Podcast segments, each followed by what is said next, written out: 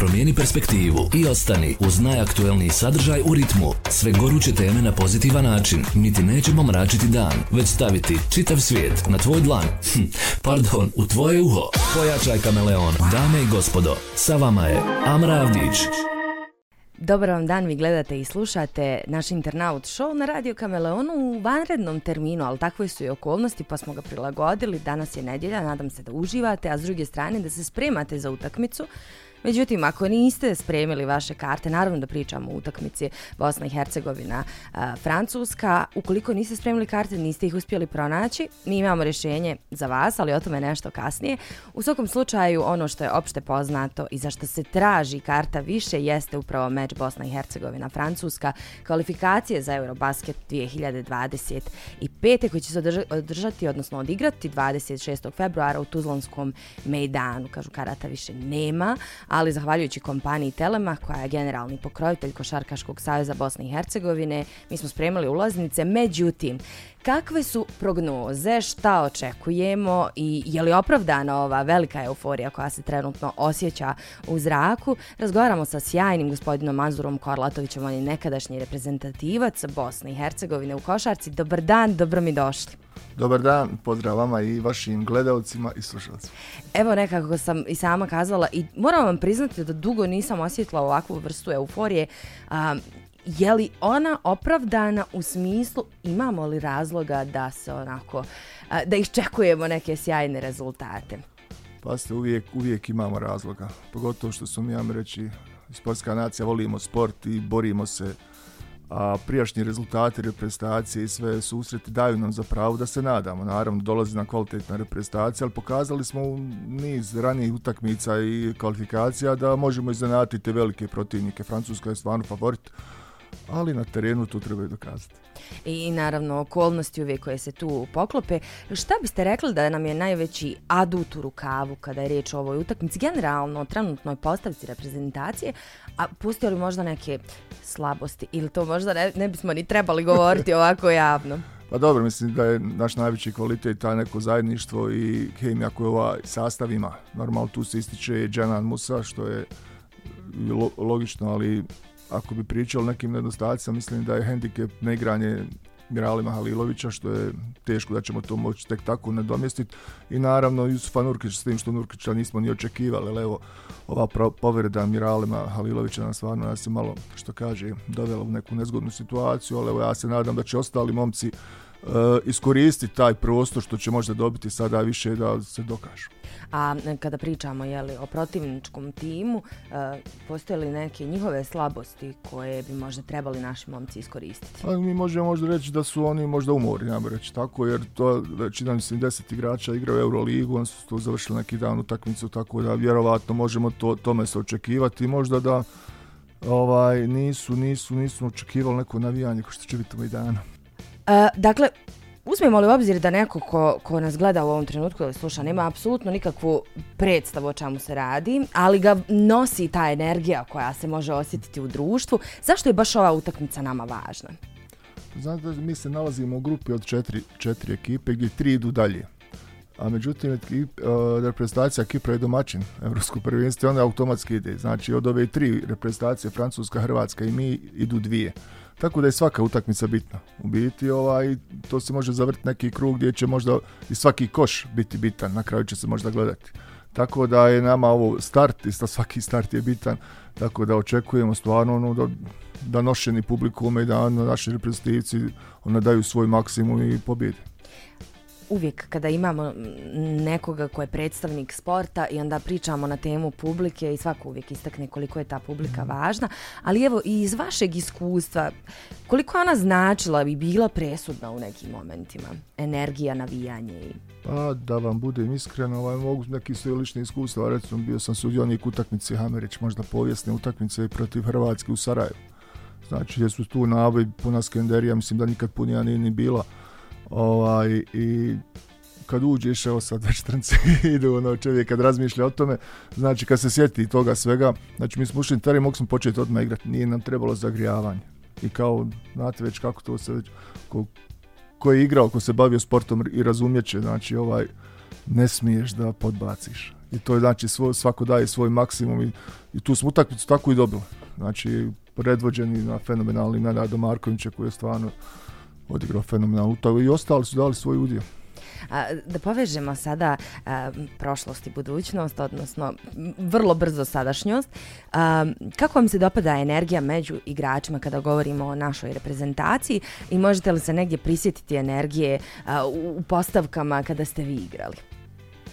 Pa slično je to. Znači većinom je to slično, ovaj, evo, ja ću se vratiti prvo na naše, moje početku reprezentacije igranje neke 95. u Berlinu sam ovaj krenuo i to su počelo neka od, otkazivanja zbog povrijeda ovih glavnih igrača. Tu tako smo mi dobili priliku mlađi, tad mlađi. I onda smo se dokazivali, onda smo igrali te neke utakmice koje, što kaže, možda smo bili prekriženi, ćemo izgubiti, ali smo dali svoj maksimum, ovo što sam rekao, što sada očekujemo od nekih igrača. Mi imamo strašno opet do, dobre mlade igrače, predvođeni ovo Kamenjašem koji igra odlično u budućnosti E, do sad nije igrao nešto puno, dobio mi taže, evo pri, prilike sada za njega i nadam se da će to donijeti. Tako da, samo kažem, e, utakmica je veoma bitna, za nas značajna naravno, ovaj, neki igrači će dobiti prvi put priliku i moraju se dokazati, ovo je, ovo je za njih, ja mislim podrijanim još jednom moram napomenuti taj medan, čudesni medan, da, da je to, što kaže, igrač više za nas. E, spomenuli ste e, tu važnu utakmicu u vašem životu. E, postoje li još neke koji se onako rado prisjetite i da su vama, da su vas možda čak i oblikovale u nešto što ste danas? Pa, znate kako, ovaj, ja uvijek kažem, ono, u, sportist, u sportu, svakom sportisti niko ne može oduzeti pravo da se bori i kad to svoje pravo koristi, znači dođe neki rezultat. Ja se sjećam baš evo tih naših početaka gdje smo malte ne bili u nekoj jakoj grupi sa Izraelom, ne znam, Bjelorusija, Grčka, gdje smo mi hladno prošli tu grupu. Sljedeće kvalifikacije za Evropsko, znači 99. što smo bili, ova isto bila jaka grupa Litvanja, Hrvatska, mi smo prvi ili drugi smo prošli. Prije vremena smo znači osigurali naš prolazak na Europsko prvenstvo. Tako da sad kažem, ta neka energija, zajedništvo što nas uvijek krasilo, vidim i ova nova generacija e, ima to nešto. Znači sla, sjajnu hemiju, tako da to mora dati rezultat.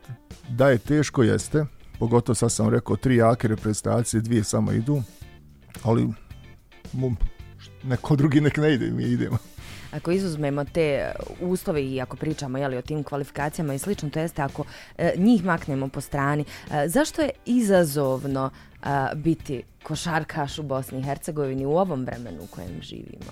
Ah, u ovom vremenu, pa uvijek je, mislim, izazovno biti sportista, to je nešto stvarno sjajno i oblikuje čovjeka i svašta nešto ima mnogo benefita, ima i drugi neki stvari, ali nebitno je, sad nećemo o tome.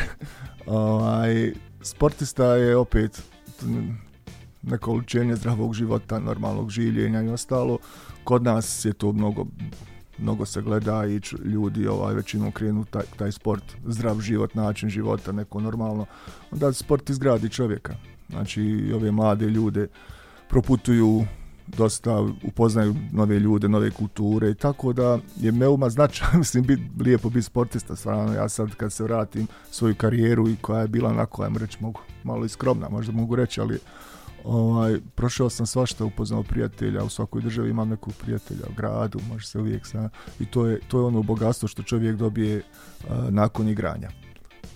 Ovo je, evo, ako pričamo o nekim mladim nadama, ovo je definitivno jedna sjajna postavka, ali da idemo među još mlađu populaciju, odnosno one najmlađe, da li vidite da se tu ulaže u sport i da se nekako djeca uvode u taj način života koji po mom mišljenju stvara neke sjajne i važne navike i disciplinu prije svega, ali evo, mislite li da u, u dobu interneta, telefona i svih ostalih stvari koji često često volimo kriviti, uh, one i jesu možda krive u, nekom domenu, ali mislite li da se mi dovoljno trudimo da djecu što više um, usmjerimo ka sportu? Pa da vam budem iskren, ovaj, sticam neke okolnosti, ima malo uvida i, i šire nego kod nas, ulažemo mi u sport, a mislim da to opet nije dovoljno. Mhm. Mislim, nije dovoljno da sad možemo biti kritički nastrojeni, ali evo, u Tuzli je poslije Mejdana nijedna dvorana nije napravljena.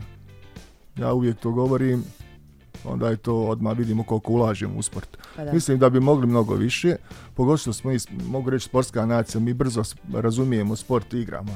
naša djeca se brzo snalaze vani i ovaj, ostvaruju sjajne, sjajne rezultate. Evo vidite, ne znam, da sad ne napominjem, bilo ko da ode vani, on je priznat, on se dobro snađe, veoma utjecajan. Džanan mu je drugu godinu Real ne vodeći igrač. Da. Ali i drugi momci. Tako da mislim da možemo mi još više da uložimo u sport i trebali bi, trebali bi jer eh, na kraju kad ulažemo, a pogotovo taj, u te mlade generacije, na kraju ulažemo u svoje, u svoje djecu, mislim da bi tu trebali malo, malo više, ja smo se jedno jednom ona je malo, hajmo reći, tu malo izgubili taj neki korak.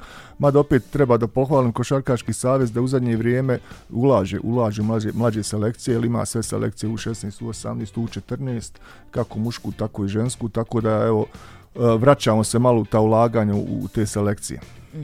I evo možda negdje za kraj našeg razgovora e, možemo li poslati neku poruku, ipak ste vi bivši reprezentativac, mm.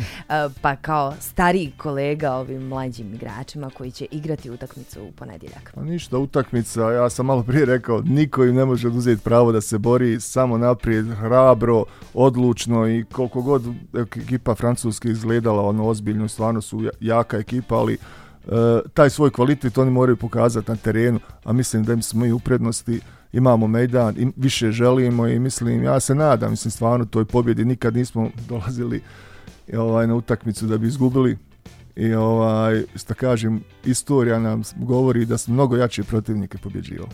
E, neka tako, odlično, tam, tam je završnica, tim ćemo e, biti vođeni i hvala vam puno što ste podijelili svoje dragocjeno iskustvo, ali i viđenje onoga što predstoji sa nama. Hvala puno pozdrava vam još jednom i vašim gledalcima i slušalcima. Hvala. A ono što mi ostaje svakako da podijelim sa svima vama jeste da u nastavku našeg radijskog programa imate priliku osvojiti 10 puta po dvije ulaznice. Ja ću vam vrlo brzo e, se negdje uključiti u naš program i reći na koji način e, da to i ostvarite i još jednom napomenuti da je sve to zahvaljujući kompaniji Telema koja je zapravo i generalni sponsor Košarkaškog saveza Bosne i Hercegovine. Ostanite uz Radio Kameleon. Promijeni perspektivu i ostani uz najaktuelniji sadržaj u ritmu. Sve goruće teme na pozitivan način. Mi ti nećemo mračiti dan, već staviti čitav svijet na tvoj dlan. Hm, pardon, u tvoje uho. Pojačaj kameleon. Dame i gospodo, sa vama je Amra Avdić.